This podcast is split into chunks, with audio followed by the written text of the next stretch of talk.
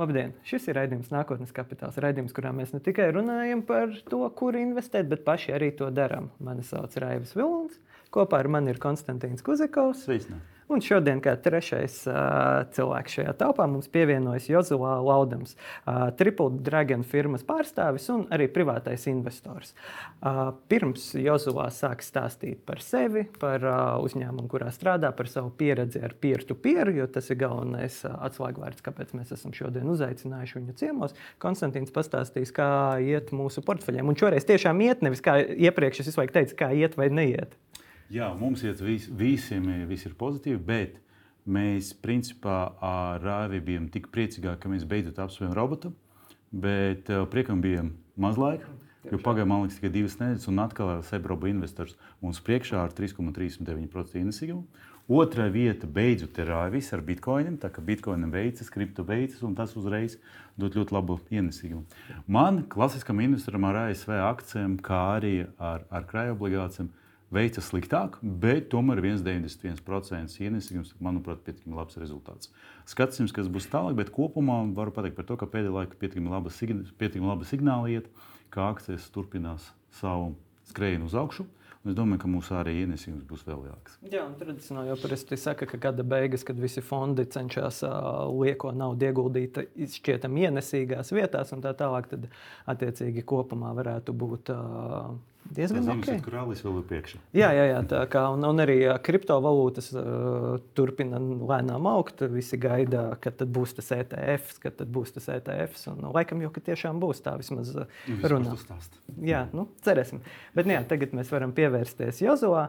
Tad uh, varbūt tu vari pastāstīt uh, mums un skatītājiem, kas tu esi, kāda ir tava pieredze un ko tu šobrīd dari. Kas ir Triple Dragon? Jā. Tad pirmkārt, labu dienu visiem! Tātad par sevi man tas investīciju ceļš, nosauksim to tā, ir jau diezgan ilgu laiku un vienmēr ir bijis darbošanās ap investīcijām un par investīcijām. Tā konkrētāk runājot, tas pir pirmais, tā teikt, angļuiski sakot, milestones būtu Signet Banka, kur es e, pailgu laiku darbojos viņu kapitāla tirgus e, komandā. Un tur attiecīgi bija tā iespēja gan piedalīties obligāciju emisiju organizēšanā, kur ir, es pieļauju, daudziem arī skatītājiem zinām vārdi, kā Sunfinance, Elevings, Elko un citi. Plus arī iegūt pieredzi, tā teikt, arī investoru skatu punktā no tāda institucionāla investora viedokļa, kas ir tātad analizējot iespējas, kur banka izvietot savu naudu. Tad e, iemesls, kāpēc arī es pieļauju, esmu uzaicināts šeit saistībā ar peer-to-peer, -peer, ir, ka es nolēmu pievienoties pēc uzaicinājuma peer-to-peer licencētai platformai, kas tad vēl nebija licencēta, bet tur mēs nokļūsim ar nosaukumu debitu.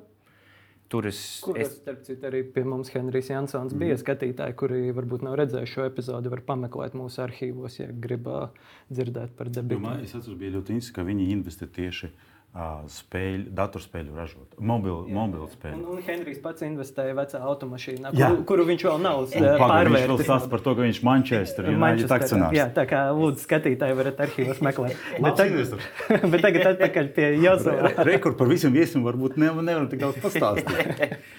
Bet varbūt tev arī ir investīcijas mašīnas. Man, man nav. Man es, es, sporta klubus? Es, nē, nē, es to Henriju neesmu pārņēmis šo pieredzi. Un, cik man zināms, tad Henrijs vēl ar vienu savu mašīnu cenšas pārdot. Jā, tā kā veiksmi viņam, nekomentēšu tālāk. Es tieši pirms pāris nedēļām apveicājos, kā viņam iet.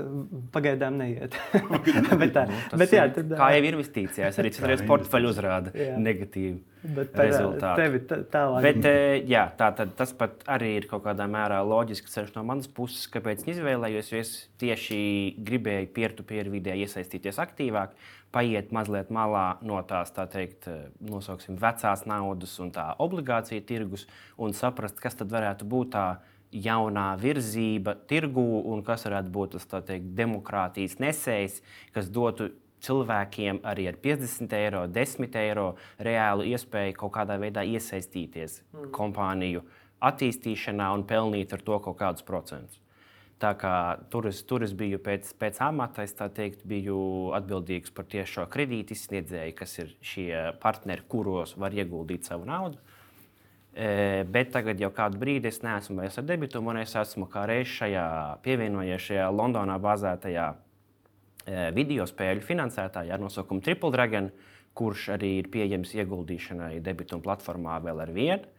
Un tad mazliet sīkāk par to. Tas ir ļoti interesants nišas būtu it kā pareizs vārds, lai gan spēļu industrija ir 300 mm. miljardus liela mm. un daudziem nezinot pat lielāka par filmu un uh, mūzikas industrijām.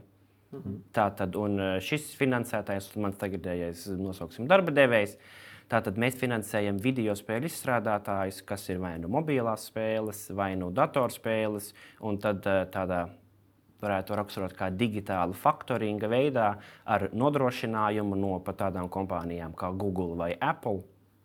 Izsniedzam viņiem kredītus, un šis viss, e, tā teikt, priekš parastā klausītāja un investora ir interesanti, jo caur debitu platformu ir iespēja aizdot naudu Triple Dragonam un pelnīt uh, apmēram 10% gadā ienesīgumu. Vai Triple Dragon arī kļūst par platformu? Triple Dragon īsti es domāju, ka nekļūs par platformu. Triple Dragon eh, ticamāk scenārijs, ja mēs ejam tādā specifikā, būtu kļūšana par fondu, mm -hmm. kas tad jau būtu tā pāriešana pie tā teikt vecās naudas. Jo, attiecīgi, kompānijai augot un portfelim jau tiekot mērītam, nezinu, piemēram, 50 miljonos, tās opcijas, kā piesaistīt finansējumu, jau kļūs ievērojami vairāk. Un mums arī šobrīd jau ir eh, Francijā no Francijas eh, fonds, kurš dod naudu. Tā kā, tā kā es, es pat teiktu, tā godīgi runājot, tad Triple Dragon ir visticamākais tādā posmā, kad drīzumā pēc debituma teikt, parastajiem investoriem atkal nebūs iespēja kā šādai mm. kompānijai aizdot naudu. Un tāpēc tas, manuprāt, ir interesants gadījums, kur mēs varam iegūt iespēju iedot savus 50 eiro ar procentiem kompānijai, kura šobrīd jau ir piesaista desmitiem miljonus no Rietumē Eiropas fondiem, kuros attiecīgi jau tie naudas devēji ir jau institucionāli fondi. Vai cik ir augsti riski tā vispār šai industrijai? Manuprāt, tiem spēlēm parādās simtiem katru dienu, un simtiem arī pazūd.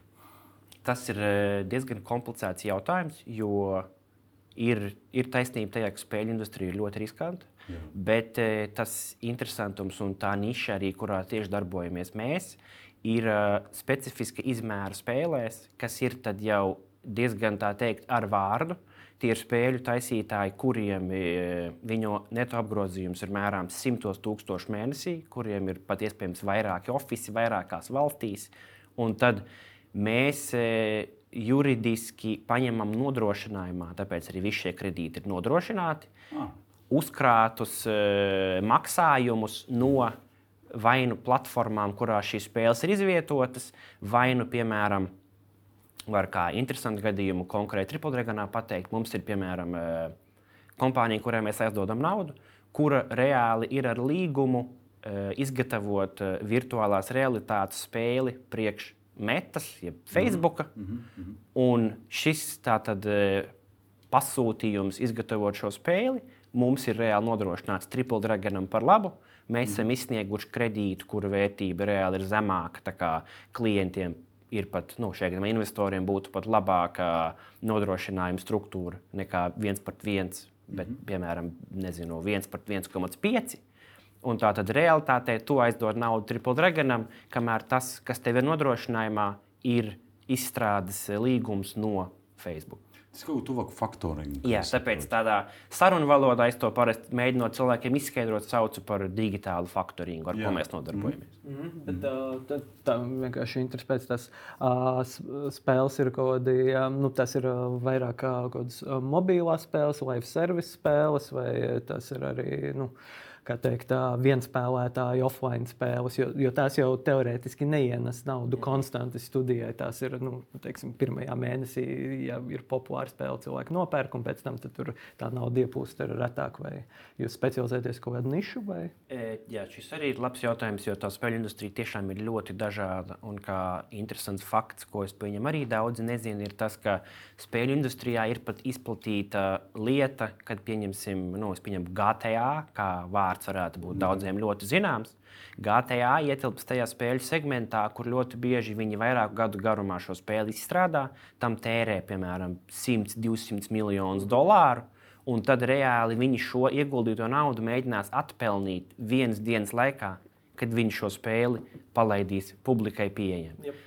Tas, ko mēs darām, ir mums ir, kā jau minēju, jau izstrādātāji, kuriem ir kaut kāda līguma, izgatavot spēles, kuras vajag kādam citam, piemēram, virtuālās realitātes, piemēram, Oculus Rift, uh -huh. šāda tipa. Un tad diezgan liels biznesa segments ir arī mobilās spēles, jo tur šis biznesa biznesa case, nosauksim to tā, ir īpaši viegli saprotams no faktoringa viedokļa, mm. jo e, mēs tātad veicam pirkums mobilajā spēlē šī nauda, ko mēs samaksājam, praktiski uzreiz nenokļūst pie spēļu izstrādātāja. To uh, Play Store, kas ir Google, vai App Store, kas ir Apple uh, juridiskās personas, aizturas piemēram 60 dienām. Mm -hmm. Un tā tad mēs paņemam nodrošinājumā šo uzkrāto ieņēmumu, un pret to izsniedzam kompānijai kredītu, kas tev tādā praktiskā formā ir primitīvs faktorings, kas ir pazīstams jau ļoti daudzus gadus. Es pieļauju, ka uzņēmumu īpašniekiem ir ikdienišķa parādība, lai menedžētu naudas viņu okay. kompānijās. Mēs mūsu skatījām par to, ka investēt triple dragon jūs varat caur debitumu platformu. Jā, jā. un atkal var paskatīties, lai labprāt, labāk saprastu platformu, var paskatīties mūsu iepriekšējā raidījumā. Bet, nu jā, tad dosimies tālāk. Mēs te aizrunājāmies par video spēlēm. Varbūt mums vajag atsevišķi. Nē, es, es labprāt. Par mašīnu mēs pārunājam, par spēlēm. es, es labprāt, varbūt es labprāt vēl vienu raidījumu par video spēlēm veidot. Bet tā tad atgriežoties pie naudas lietām, peer-to-peer -peer investīcijām, kāds ir tavs skats uz šo gadu? Kas mums ir noticis nu, kopumā, ja mēs tā skatāmies uz peer-to-peer sektoru. Jā, jā. Uh, jā, tātad par peer-to-peer sektoru, ko es gribētu teikt, ka tas noteikti ir ļoti notikumiem bagāts gads bijis.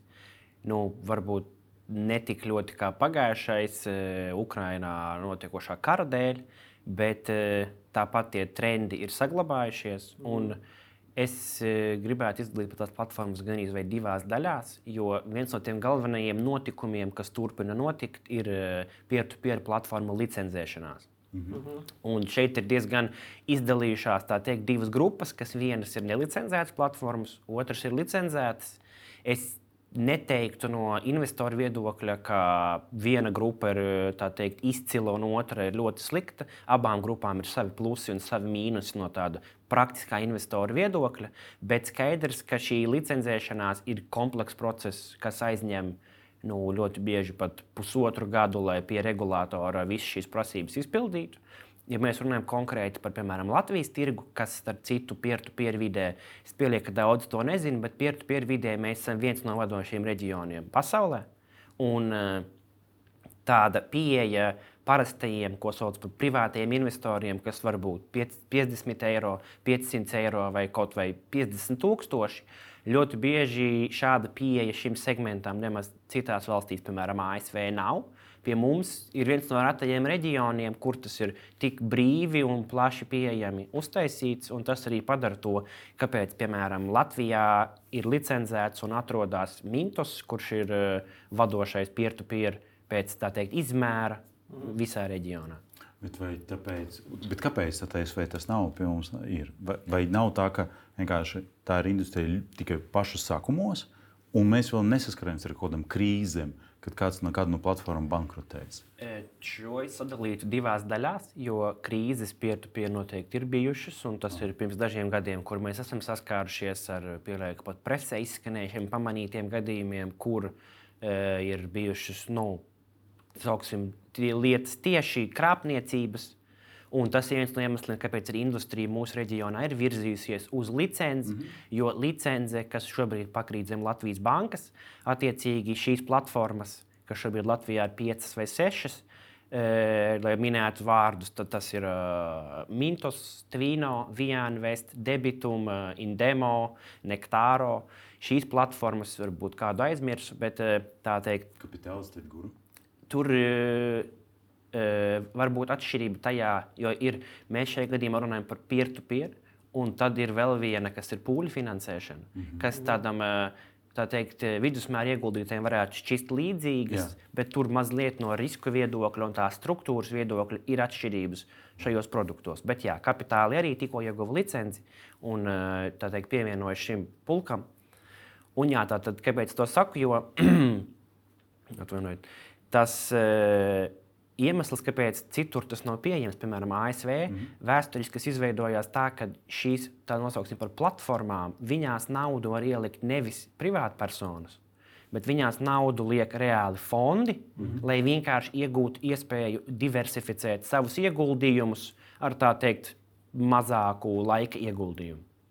Vai tas sanāk tā, ka mūsu gadījumā tas platformas tirgus parādījās tikai tāpēc, ka mums nebija to fondu, un tāpēc bija jāmeklē cita alternatīva, kur atrast naudu? Jā, kaut kādā, kaut kādā mērā es pat tam piekrītu, jo no mūsu tirgu tas. tas uh, Igauniem veicās labāk, uh, bet, piemēram, Latvijā no pirms vēl trim, četriem gadiem arī obligāciju tirgus bija tāds gan arī neeksistējošs jēdziens un reti izmantots. Uh, Tagad pēdējos mm -hmm. gados, pateicoties gan Finētas bankas darbam, gan jūsu darbam, gan investoru klubam, tā bumba kustās, un viņa manā skatījumā turpinās kustēties. Mm -hmm. Un šīs platformas kaut kādā mērā ir e, forma, kā e, šīs kompānijas varēja piesaistīt naudu. Šeit gan ir jāmin arī, teikt, ja mēs tieši runājam, fakts, ka šajās peer-to-peer platformās pārsvarā dominē e, nebanku kreditētāji. Un tur ir pat diezgan praktisks iemesls, kā šīs platformas ir izveidojušās, kas mm. uh, investoram pat nav slikti, jo tātad šie nebanka kreditētāji viņi nevar aiziet uz banku un paņemt kredītu, kā to darīt, pieņemsim, ražošanas mm. uzņēmums. Un tad, attiecīgi, šīs peer-to-peer platformas viņiem palīdz piesaistīt papildus līdzekļus, un tas var būt, uh, jo tas var būt gan no lieliem investoriem, gan maziem, bet tas praktiski notiek caur šīm platformām un ar šo platformu palīdzību. Tu pieminēji, ka mums, kā investoram, ir no vienas puses nav nekādas, nekādu priekšrocību, vai licenzēt, vai nav licenzēt. Tāpēc, ka abam platformu veidam ir savi plusi un mīnusi. Tu vari vairāk paskaidrot, teiksim, vai tad, kad es padomāšu par to, ka investēt savus privātus līdzekļus, vai man tomēr ir jāpievērš uzmanību licenzēt vai nelicenzēt, un kādi ir mīnus, kādi ir plusi? Šeit es gribētu teikt to, ka tādam nosauksim, cilvēkam, kurš ienāk šajā mm. investēšanas pasaulē, es noteikti ieteiktu tomēr sākt ar šo licencēto Tāpēc. grupu. Tāpēc, jo ka nelicencēti nav sliktāki. Nav nu, savādāki. Jā, viņi ir savādāki. Bet tātad šī galvenā atšķirība ir tajā, ka, kas tad, ja mēs aizējām uz tā teikt, tādiem pamatiem ieguldīšanā, mēs vēlamies, lai kāds veids reālu nosauksim, nu, analīzi Jā. un pārbaudi par to, kur mēs ieguldām. Mm -hmm. Tātad šajās nelicenzētajās platformās pārbaude būs mazāka. Tā pārbaude reāli neeksistē, un tā ir uz mūsu pleciem kā investoram. Okay. Mums pašam ir jāspēj ieiet platformā, saprast, vai mēs varam atrast viņu finanšu rādītājus, kā izskatās šie partneri, kuros viņi piedāvā ieguldīt, mm -hmm. kāda ir platformas vadība, kur platforma ir reģistrēta. Un šādi aspekti tie mums ir reāli jāizpēta pašam, ja mēs gribam būt droši kaut cik vismaz par to, kur mēs ieguldam, kad mēs neiekritīsim, nedod Dievs, šajā gadījumā, kas ir pieņemsim, nu, krāpniecība. Mm -hmm. Šādi gadījumi vairs īsti nevar, protams, neko garantēt, bet viņi ir diezgan izskausti. Un tātad tas galvenais pluss ar licencētajiem ir tas, ka, piemēram, Latvijā e, šo pārbaudu licencētajām platformām nepilnībā tam, protams, nevar. Nu, tāpat ir pirms iegulda vienmēr jāveic izvērtēšana, bet uh, regulāru pārbaudi no šīm platformām pieprasa Latvijas Banka. Mhm. -huh. Kas tad šajā gadījumā pie viņiem dodas e, daudz un dažādos auditos, lai pārbaudītu, ka viņu dokumentācijas ir kārtībā, ka viņu izvērtēšanas politikas atbilst tam, ko viņi ir solījuši, un vēl citādi ierobežo šo struktūru. Šeit interesantākais fakts, kā tāda juridiska atšķirība, ir tas, kas ir jāpiemina, ka Nelicenzētās platformas juridiski savus ieguldījumus piedāvā veikt cesijas līguma formā, kas ir uh, izmantota forma, bet nav visdrošākā un ir diezgan komplicēta.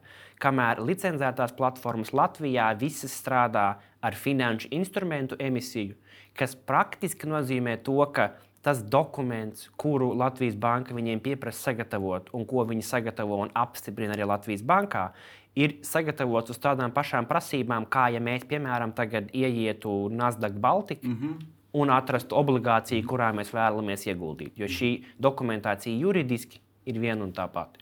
Bet no otras puses, ja platforma ir licence, tas nozīmē, ka viņam jābūt ekstra pārbaudē. Tas nozīmē, ka ir ekstra izmaksas. Un tas nozīmē, ka principā, mēs kā investori varam pretendēt uz mazāku procentu, ka vienkārši platformas apkalpošanas maksa ir lielāka. Jā. Cik tā starpība ir, ir liela? Mēs runājam par dažiem procentiem, vai mēs runājam zinu, par 5, 6, vai par, pat, varbūt uz masas mēs pat nepamanīsim 0,5 tikai. Es šobrīd teiktu, to, ka tā atšķirība pat būs reāli nemanāma. Mm -hmm. Jo tas peer-to-peer segments ir diezgan nosauksim, homogēns, un šīs platformas konkurē savā starpā. Un, tā kā licences relatīvi nesen ieviestas, piemēram, Latvijā pirmās licences tika saņemtas 2021. gadā, mm -hmm. tad tas vēl nav iegājies tik ļoti, lai šīs platformas varētu sākt. Gudri sakot, pārlikt savas izmaksas, kuras nenoliedzami viņām ir lielākas, uz investoriem un teikt, samazināt šo atdevi, kura mm -hmm. tiek piedāvāta. Tāpēc šobrīd ir tas jaukais brīdis, kurā var ieguldīt licencētās platformās un saņemt to pašu ienesīgumu, kuru iepriekš. Un tad, eh, lai paskaidrotu vēl pat plusus, Tad tas, kas pieņemsim šobrīd, jau sāk ieiet tirgū, ko es zinu, ka Latvijā Mintos jau ir tādā. Es pieļauju, viņi var komentēt labāk, testa projektā vai pavisam ir ieviesuši, ir tas, ka šīs licencētās platformas, tā kā viņām Latvijā ir uh, ieguldījuma brokeru sabiedrība licence, un viņas regulē Latvijas banka, viņas drīkst piedāvāt obligāciju tirdzniecību mm -hmm. vai citu biržā listētu uh, instrumentu tirgošanu. Un ko tas nozīmē praktiski? Ka, ja mēs gribētu, piemēram, nopirkt obligāciju, tad mums ir jāiet uz, eh, pie sava brokera, piemēram, Svetbanka, Seibanka, Citadele vai nu, ko katrs izmanto. Un šeit mēs saskartos ar to, ka reāli ieguldīt obligācijā nav ļoti bieži viegls process. Mm -hmm. Tas ir diezgan komplicēts. Minimāli ieguldījumi var būt 1000 eiro, var Jā. pat būt 10 000 tev var būt diezgan neskaidrs, kas jādara. Ir pat gadījumi, kuros tev ir reāli jāzvana bankā kādam dzīvam cilvēkam un jāsaka, ka, labdien, es vēlētos iegādāties šo finanšu instrumentu. Tas ir diezgan tāds, nosauksim, nedraudzīgs vēl ar vienu mm -hmm. formāts, kā ieguldīt. Kamēr šajās peer-to-peer platformās šis viss ir ļoti attīstīts, jo tās, tā teikt, pēc uh, gudrā vārda pieder fintecham, jeb finanšu tehnoloģiju uzņēmumiem. Un viņi gulda daudz laika un cilvēku stundu, lai šos procesus atvieglotu. Tu ļoti bieži šajās platformās vari no nulles pieregistrēties, un jau tajā pašā dienā, pēc dažām stundām, būt izgājis visas nepieciešamās pārbaudes, ieskaitījis savu naudu un jau ieguldījis kādos instrumentos pēc paša vēlmes. Jā. Bet kas vēl notika jauns P2P segmentā? Jo mēs daudz parunājam par licencēm. Varbūt vēl kaut kas, kas ienāca, kas pazuda? Es, es gribu skatītājiem pakārdināt, ka nu, tu pieminēji mintas un ieguldīšanu obligācijās. Pēc pāris nedēļām mūsu raidījumā būs uh, mintas pārstāvji, kur mēs varēsim uh, šo visu sīkāk izrunāt. Konstantīns, kurš ir uh, ieinteresēts obligācijās pēdējā laikā. Jo tā ir problēma, jo es meklēju tiešām opcijas ieguldīt obligācijas ārpus Latvijas krājuma obligācijas. Nav viegli, tam es piekrītu. Atrast tos, kas ir vispār ir 100 eiro, un mēs investējam 50 eiro nedēļā. Atkal ir ierobežojumi. Jā, jā. Šis ir burvīgs nākamais un, demokratizācijas solis. Tieši tas, ko tu minēji. Es pat varu komentēt, ka cik man zināms, tad Mintos to jau kā pirmais ieviesis, bet es zinu vēl vairākas platformas, kuras šobrīd reāli ir procesā un mēģina šo arī ieviest. Šis noteikti manā skatījumā būs ieguvums parastajiem investoriem ar 50 eiro, jo mm -hmm. notiks tā kaut kādā mērā obligāciju tirgus un peer-to-peer platformu saplūšana, ka tur tie riski diezgan izlīdzināsies. Tas ļoti interesanti, ka obligācijas viens no zemākiem riskiem ir peer-to-peer tieši otrādi. Ir... Bet kaut kas jauns vēl varbūt notiek. Es, e, jā, bet par tiem riskiem es pat īstenībā iebilstu, ka mhm. peer-to-peer tas ir viens no tiem aspektiem, ka nezinot par šo industriju, Un it īpaši, kamēr tā bija tādā, tā teikt, autiņos un pavisam jauna, tur izteikti apgalvojumi, ka riski bija ievērojami augstāki, ir eh, pilnīgi pamatoti. Bet šobrīd, peer-to-peer, es reāli jau pielīdzinātu daudzas platformas tipiskām fiksēta ienākuma, kurā ietilpst arī obligācijas. Un šeit es gribu atgādināt par Rāvi un viņu ek eksperimentu ar Estate Guru. Cik tu pazaudēji? Nē, vēl neesmu pazaudējis naudu, kamēr nav norakstīta, tikmēr nav pazaudēta. Bet, nu, jā, apmēram, divi projekti no četriem jā, jā, no apmēram 25% 25. no ieguldījumiem. Kā, kā, kā jau tas, jebkurā ieguldīšanā, ne, risks pastāv jā. un obligācijās tas arī ir. Jā, jā, jā, jā, jā. Bet jā, par šiem jaunumiem tad tad licencēšana būtu tas, ko es teiktu, kā tādu pirmo. Tad kopumā novērojams tas, ka ir diezgan daudz jaunu platformu un jaunu tirgus dalībnieku, kas ienāk tirgū. Piemēram, tajā pašā Latvijā, ko es pieminēju, vārdus Indemo, Nektāro. Mm. Tie būtu vārdi, jā, nedēļām. Kuriem es arī ieteiktu ieiet, tā teikt, un pasakot līdzi, jo tur var pastāvēja tāda lieta, kā, kā jau visi, kas teikt, ienāk jauni tirgu, mēģina sev piesaistīt klientus. Jā, un no tā mēs varam arī praktiski iegūt kā investori un mēģināt saprast, varbūt platformas piedāvā kaut kādus bonusus, varbūt nē. Es e, pats neesmu pētījis, tāpēc nevaru teikt, vai viņi pastāv, bet es pieņemu, zinot, kā tirgus strādā, ka viņi varētu būt. Un tas varētu būt labs brīdis, kurā tā teikt, veikt mazu arbitrāžu un mēģināt kaut kur izspiest labāku ienesīgumu. Mm -hmm. Tad, tad sanāk, sanāk, ka ar šo visu licencēšanas pasākumu un visu šo stāstu, tad, nu, vispār kopumā, ka šī nozare nobriest un paliek nopietnāka, viņas arī pašas platformas ir iemācījušās šķiet labāk izvērtēt, kur tā nauda aiziet, izvērtēt partnerus. Jo es biju tiešām es pagājušajā gadā, kad sākās visas uh, finanšu ķibeles, globālās, uh, ģeopolitiskās, lokālās un tā tālāk, es biju gaidījis, ka uh, man ieguldījumi peer-to-peer platformās būs krietni lielāks defaults, būs uh, vairāk aizkavējumu, bet principā mm. vienīgais būtiskais aizkavējums bija Estate Guru Vācijā, kur nu, tur ir specifiski apstākļi. To Estate Guru vairākas reizes skaidrojuši. Nu, tad attiecīgi vienā specifiskā, bet uh, Mintos Tvino ļoti maz bija, kas aizkavējās kapitālija. Vienu brīdi viens uh, aizdevums aizkavējās. Uh, tad sanāk, ka šīs platformas. Aizdevums vai maksājums? Uh, nu, Visticamāk, maksājums. Maksājums, jā, jā. jā, jā. Uh, un uh, tad, attiecīgi, sanāk, ka tās platformas ir arī palikušas gudrākas un uh, pašas, uh, pašas uh, rūpīgāk izvērtē riskus. Vai tā varētu teikt? Jā, es tam aglomam noteikti piekrīstu. Tam, tam pat ir vairākas komponentes. Viens ir tajā, ka šīs platformas, kā piemēram Mintos un Tvīno, kuras uh, gan arī par 100% vai 100% apmērā piedāvā ieguldīt nebanku kreditētājos. Tur arī ar šo nozari kopā notiek tāds nobriešanas process, kurā diezgan labi izkristalizējās, teikt, kuri nebanku kreditētāji ir spējīgi ilgstoši dzīvot, uzrādīt labus rezultātus, adaptēties izmaiņām tirgū.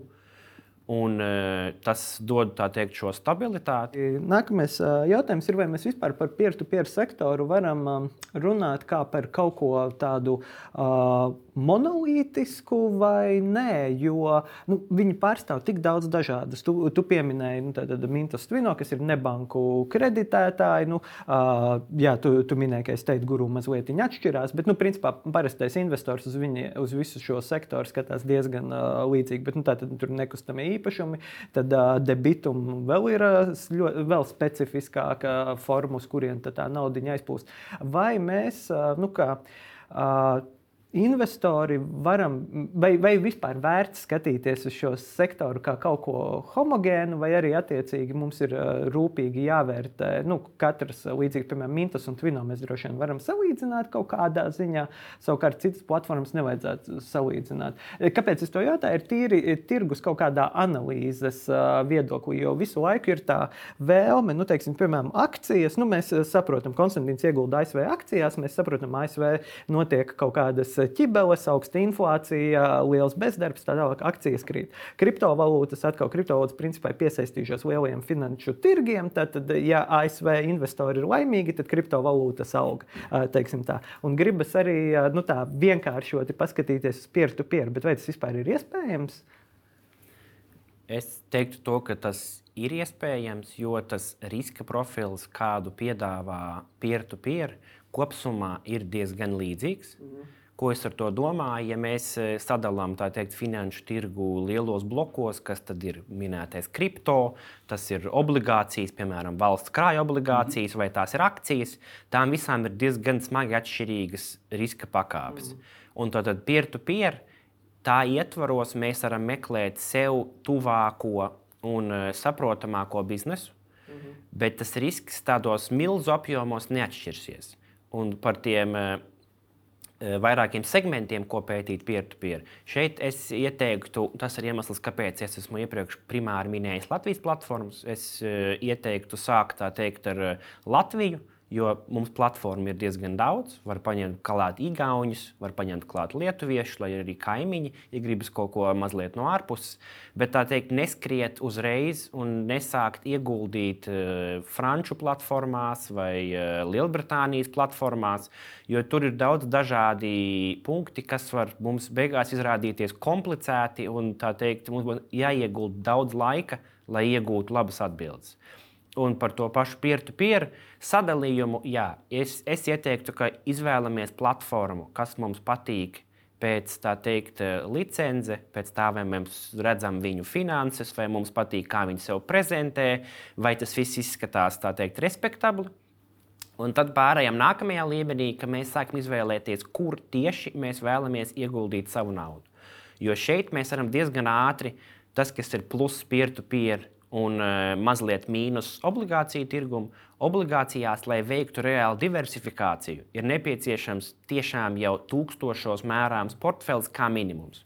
Peer-to-peer, ja mēs izvēlamies platformas, kurās ir vairāku tirgu pārstāvji, mēs varam pat ar uh, 200 eiro Jā. jau veikt reālu geogrāfisku diversifikāciju, izvēloties mazliet Latviju, Jā. mazliet Lielbritāniju, mazliet kādu eksotiskāku tirgu ar augstāku atdevi. Kamēr obligācijās tas īsti nav iespējams. Un tā tad, jā, par peer-to-peer platformas es iedalītu tādās uh, grupās, kas būtu viens tā lielākā un izplatītākā, ir, kur šie uh, partneri viņām ir nebanku kreditētāji. Tur visbiežāk arī būs visaugstākā atdeve, kas ir uh, kādi 12 līdz 14% gadā. Tad nākamā grupa būtu uzņēmumi, kuriem ir saistība ar nekustamiem īpašumiem. Šeit es pielieku, ka zināmākais vārds visiem būtu estate guru, mm -hmm. kur tad tev kā nodrošinājumam, šim aizdevumam būtu jābūt nekustamiem īpašumam, kas to procesu varbūt padara garāku, bet tehniski riski ir zemāki. Tāpēc arī atdeva var būt mazliet zemāka. Konkrēti nepateikšu, ko viņi šobrīd piedāvā. Un tad ir uh, minētais debitums. Debitums ir interesants ar to, ka viņi piedāvā ieguldījumus tikai biznesa aizdevumos. Viņiem platformā nav neviena, kas ir uh, nebanku kreditētājs. Tur arī attiecīgi kopumā tas atdeves līmenis būs dažus procentu punktus zemāks, bet arī uh, šie kredīti būs nodrošināti un tā būs biznesa atbalstīšana, nevis nebanku kreditēšana. Un tad, attiecīgi, balstoties no tā, kas mums katram ir teikt, tuvāks, kas patīk, vai ko mēs vairāk saprotam, mēs varam doties un izvēlēties, kuru platformu mēs gribam, kuros šajos partneros ielikt savu naudu. Un es ieteiktu arī, protams, diversificēt arī šo gan vairākās platformās, gan e, segmentos, un attiecīgi iegūt kopumā labāku un nu, matemātiski mazāk svārstīgu atdevi nekā vienkārši. Pēc tam, kā tev liekas, pēc tavas stratēģijas, pēc tavas domu, kad, kā, kā pareizāk? Cik daudz ir pareizi ieguldīts no kopīga portfeļa tieši uz peer-to-peer? Un cik tā peer-to-peer portfeļa ir jābūt dažādām platformām, 3, 4, 5, 1? Jo, jo ok, es investēju tikai uh, akcijas. Tev, man liekas, trīs platformas. Četras. Četras, tu, tu četras. Uh -huh. Tas nav pa daudz, tas nav pa maz. Cik tev ir kopīgas peer-to-peer? 300%? Apmēram, jā. jā, jā. Tas nav pamāts, tas ir par daudz. Mm -hmm. Tavuprāt, kāda ir pareizā stratēģija? Es, es parasti, kad man cilvēki jautā, teikt, kur ieguldīt, pirmais, ko es viņiem jautāju, cik jums ir daudz naudas, ko ieguldīt. Bet eh, tas tā teikt, ievadam, jo tas maina to, kādas ir tās opcijas. Peer-to-peer mēs attiecīgi ar 50 eiro nedēļā ierakstamies ļoti labi. Mēs Jā. varam šeit ieguldīt naudu. Kamēr, ja es vēlētos, piemēram, teikt, aiziet uz biržu un nopērciet obligācijas ar 50 eiro, tas var nebūt praktiski iespējams.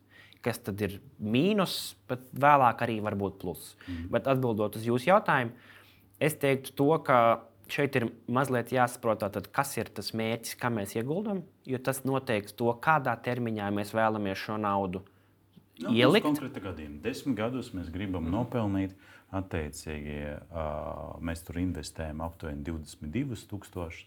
Gribam, man gadam 30 tūkstoši dabūt, tu gribi tur ap 40 tūkstošiem. Tāpēc tev ienesīgums ir lielāks. Vot, tas ir gribam mēs daudz, jā. Tas ir mūsu, teiksim, tas laika robežas. Jau īstenībā divi gadi jau pagāja, palika jau astoņi. Vot astoņus gadus, gadu griezumu. Vai, vai tagad visu uz Bitcoin, vai visu uz, uz peer-to-peer platformām, vai tomēr palikt pie ASV akcijiem? Man, man pašam patīk tā pieeja par to, ka portfeli būtu labi sadalīt eh, divās daļās. Kas viens ir tā, eh, mēs varam diskutēt, kā tieši ieguldīt, piemēram, akcijās, kas mm. ir vai nu mēs pērkam ETF fondu, vai mēs kaut kādu iemeslu pēc izvēlamies konkrētas akcijas, kurās ieguldīt. Tas pat šajā gadījumā es to noliktu malā, bet tātad mūsu portfelim ir divas daļas. Viena ir šī teikt, riskantā daļa, kurā mums būtu akcijas, kriptovalūtas, ja mums tas piesaista, vai vēl kādi citi riskanti ieguldījumi. Un tad ir tā otra daļa, kuras mērķis ir nest stabilu, varbūt nevis lielāko ienesīgumu, bet reāli nodrošināt stabilus ienākumus, kad mēnesī, kurā e, šīs riskantā daļa, kas būtu piemēram akcijas, neuzrādīs labu performanci, uzrādīs sliktu ka mums vismaz ir cerība noturēties uz nulli un ir kaut kāda veida stabilitāte. Tur par šo procentu, cik ieguldīt, es e, atkarīgs no gadījuma, bet, piemēram, es teiktu, ka šobrīd vismaz kādus 30, varbūt pat 40 turēt e, šajā teikt drošajā formā nav, ir diezgan laba doma. Un tur, attiecīgi, kā tālāk sadalīt, vai tas ir peer-to-peer tikai, vai varbūt obligācijas, jo tā teikt, pēc tā riska profila šīs lietas ir diezgan līdzīgas. To es laikam pat atstātu katra paša ziņā, jo tas atkarīgs no tā, ko jūs fiziski varat nopirkt. Mm -hmm. Bet e, par peer-to-peer sīkāk es e, redzu pilnīgi pamatojamu iemeslu, kāpēc investoram ar, piemēram, tūkstošu portfeli reāli neskatīties pat uz obligāciju tirgu šobrīd kamēr portfels ir tik relatīvi maziņš, bet eh, vairāk skatīties šajā drošajā daļā uz peer-to-peer. -peer. Jo šur, tur mēs varēsim reāli ieguldīt, kā piemēram Raivs, četrās platformās, kurām visām ir mazliet atšķirīgi riski. Bet vajag vai četras platformas? Es teiktu, ka principā ienesīgums visiem ir vienāds. Diezgan līdzīgi. Jā. Nu, tad jau it kā matemātiski nav iemesls neizvēlēties četras platformas. Nu, ča, lielākais čakars vienkāršāk pārskatīt uz vienu. Nu, par portfeļu pārvaldīšanas ziņā gan es varu piekrist. Man te, tev, teiksim, Interactive Brokers plus ka, ka, krāju obligācijas pārvaldīt, eh, izņemot tad, kad tev nāks atpakaļ krāju obligācijas katru jā, nedēļu. Jā, jā, jā, tev ir 50 eiro plus 4%, bet eh, kopumā man, teiksim, sad, kopā sanāk tā viena akciju platforma, viena kriptovalūtu platforma, četras peer-to-peer, seši platformas pārvaldīt un manā Excelī salikt tos ciparus, vai nu, kaut cik es varētu atskatīt, ir bišķiņš čakars. Tā kā, nu, no tāda viedokļa tas ir tas, ko mums saka visi citi, cik daudz laika jūs gribat ieguldīt. Mm. Droši vien es pieņemu, jo ir jau arī tās platformas, kuras ļauj diezgan diversificēt, kā Jā, to arī minēja. Arī daudzām ir peer-to-peer, -peer, ir pieejams arī nosauksim, robotu investors Jā. vai, vai kā viņi kā kurš viņu sauc, mm. bet ar domu tajā, ka tavas tev ieguldījumi notiek arī automātiski, ka tur nav tik daudz laika jāpatērē. Bet atbildot par to, vai četras vai, vai cits skaitlis, es laikam vienā pats neieguldītu. Jo tur tu vari vienas platformas ietvaros iegūt šo diversifikāciju geogrāfiski vai pa, pa šiem partneriem. Bet segments būs viens un tas pats. Bet segments visbiežāk būs viens un tas pats. Mm -hmm. Tāpēc es ieteiktu vismaz ieguldīt divās platformās, un tad varbūt neieguldīt minot vārdus, piemēram, Mintosā un Tvīno vai Mintosā un Via Invest, tā kā šie pārstāv primāri šo nebanku sektoru, mm -hmm. bet paņemt klāt, e, varbūt es teiktu, guru, mm -hmm. varbūt debitumu mm -hmm. vai kādu citu platformu, kurai taču, jā, kur profils ir cits, ienesīgums, kā jau mēs iepriekš apspriedām, būs relatīvi līdzīgs, mm -hmm. savukārt tas riska profils tiešām ievērojami atšķirsies. Bet, ko Kur tu pats ieguldīji? Vai arī visu, visu naudu pirkt? Ja nav nosaukums, cik platformas tev ir. Var neminēt jā. vārdus, ja tas jā, jā. darba dēļ uh, nav forši, bet uh, cik, cik platformas tev ir? Man... Tas būs nākamais. Vairāk par diviem.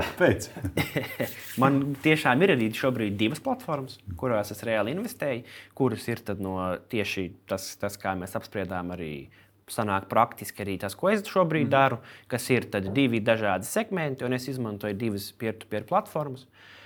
Man šobrīd ir tā teikt, tāds pārvietošanās alokācijas brīdis portfelī, tā kā es nesen iegādājos nekustamo īpašumu, ko es īstenībā arī darīju mazliet investīciju nolūkos, jo šajā augstās inflācijas laikā es nolēmu, ka tas man liekas kā labāka vieta, kur nolikt daļu savas naudas.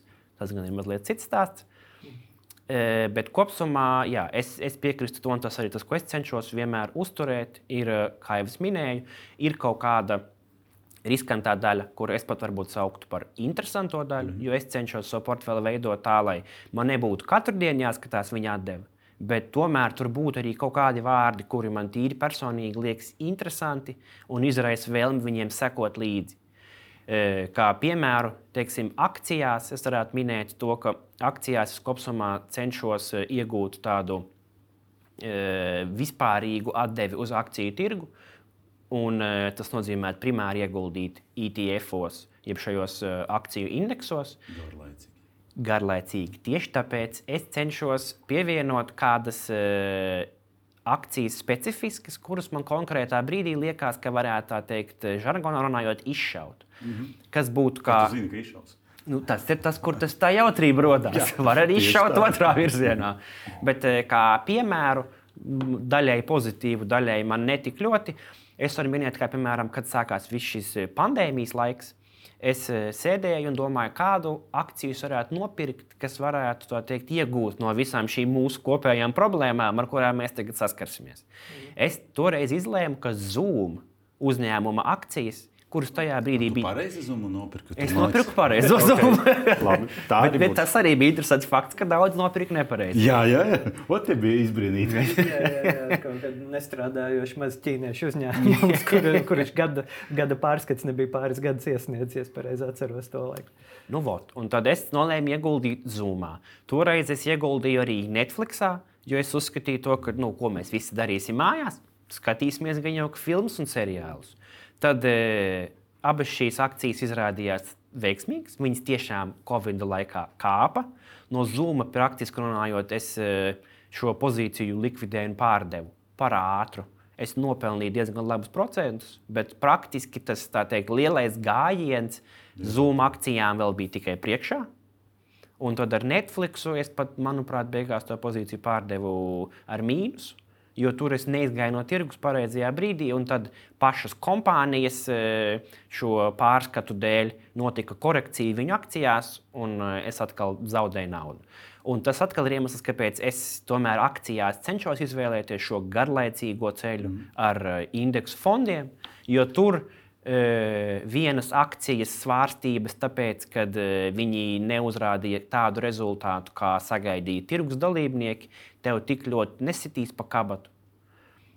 Bet kā tev ir sadalīts tas, cik tad procentus tev ir peer-to-peer segmenta, cik tad TTF, cik ir akcijas? Nu, Visinteresantākais, cik ir tas jā, jā. riskantais, tas, ko tu atļaujies Pusi, ieguldīt Netflixos un Zoomos un kaut kur. Un, ar cik procentiem tu riskē? Jā. Šeit tā mana atbilde būtu tāda, ka tā kā, ņemot vērā manu vecumu, mm -hmm. un tas arī tas, ko es parasti cilvēkiem jautāju, kas ir tas termiņš, uz kuru jūs ieguldat, jo akciju tirgu, kā zināms, tas, tas ienesīgums vēsturiski ir ļoti labs, bet mēdz būt diezgan svārstīgi un ilgstoši periodi, kad performance ir slikta. Mm. Es personīgi ļoti lielu daļu savas naudas, kas būtu kāda 70% turu šajā riskantajā segmentā, mm -hmm. kas ir uh, akcijas. Man ir diezgan pasen arī diezgan. Uh, Nepateiktu procentuāli, bet visticamākais man ir pat kādi 10-15% ir uh, ar kriptovalūtām manā portfelī. Es... Ļoti riskanti. Jā, bet tas arī ir. Es, teikt, jo es vispār cenšos ieguldīt teikt, no vienas puses droši, no otras puses trāpīt kaut kādos lielos trendos, kur, manuprāt, mēs virzamies. Mm -hmm. Un tad, eh, tas ir iemesls, kāpēc es iegādājos eh, Bitcoin diezgan sen. Man ir vēl arī citas kriptovalūtas, primāri Bitcoins, jo tas ir tāds drošākais no. Visi plusi? Es esmu diezgan labā ja, plusā. Ja iegādājos, tad jau ir.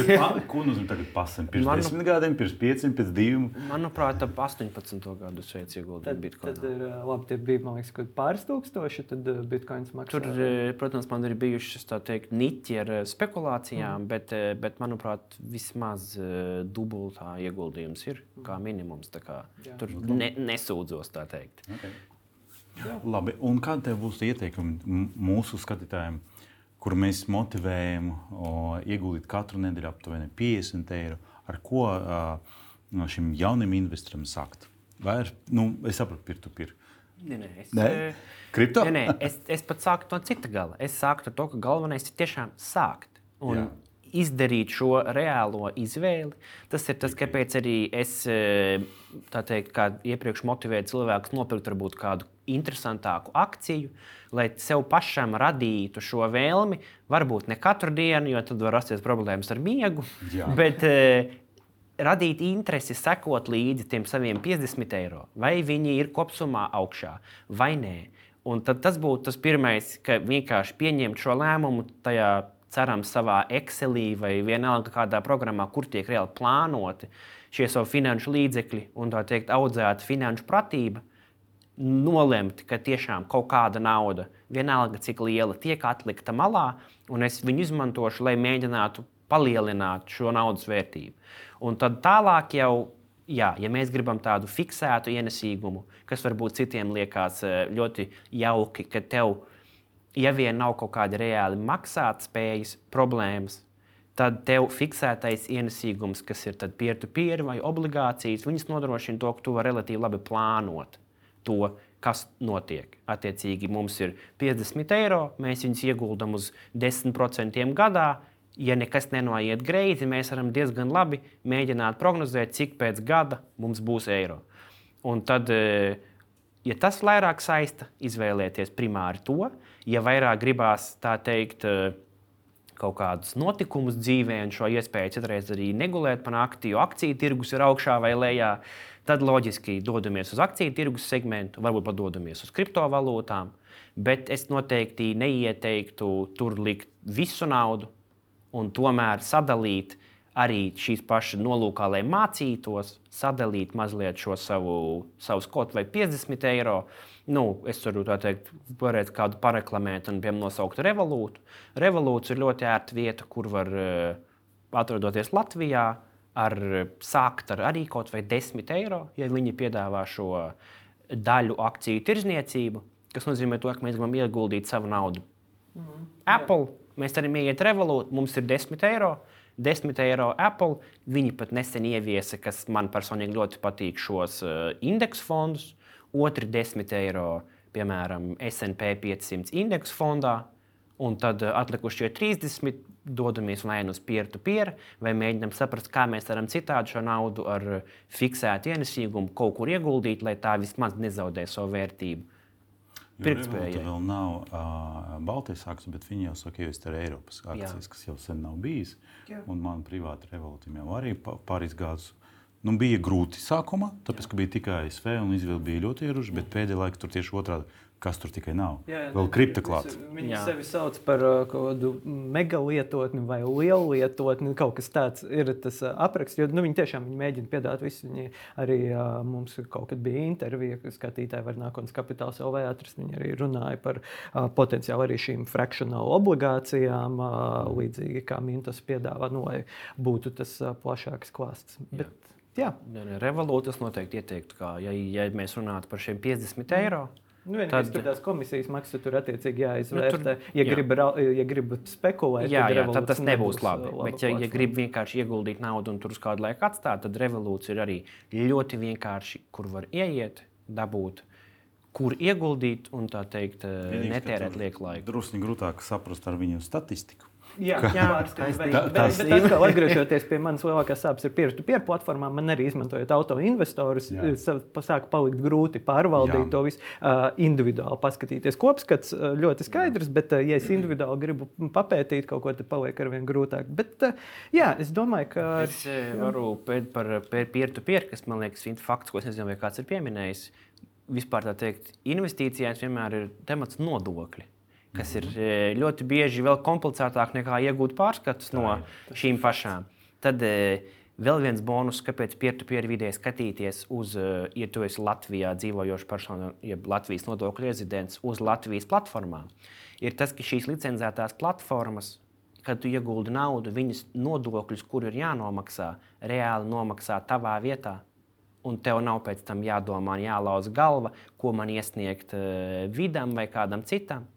Un praktiski jūs vienkārši saņemsiet, nu, jums izmaksās šos jūsu procentus, tos apliek ar uh, iedzīvotāju ienākumu nodokli, un to platforma jūsu vietā aprēķinās un jūsu mm. vārdā pārskaitīs vidam, un jūs izņemt to naudu, varat vienkārši jau brīvi lietot, un jums nav jādomā kur, kas vai kāpēc. Taisnība. Tas Ļoti labi, to to- mums arī vēl. Jā, tā ir taisnība. To mēs esam raidījumos izlaiduši. Mums noteikti vajadzēs pievērsties. Bet, jā, paldies, ka pacēli šo tēmu, un paldies arī par padomiem.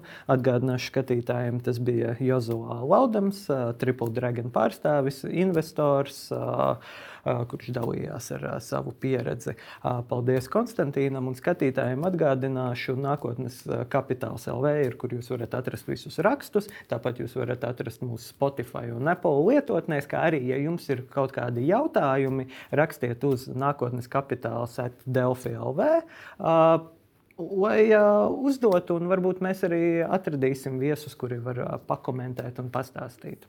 Visādi citādi tiekamies pēc nedēļas. Paldies! Paldies. We'll be right back.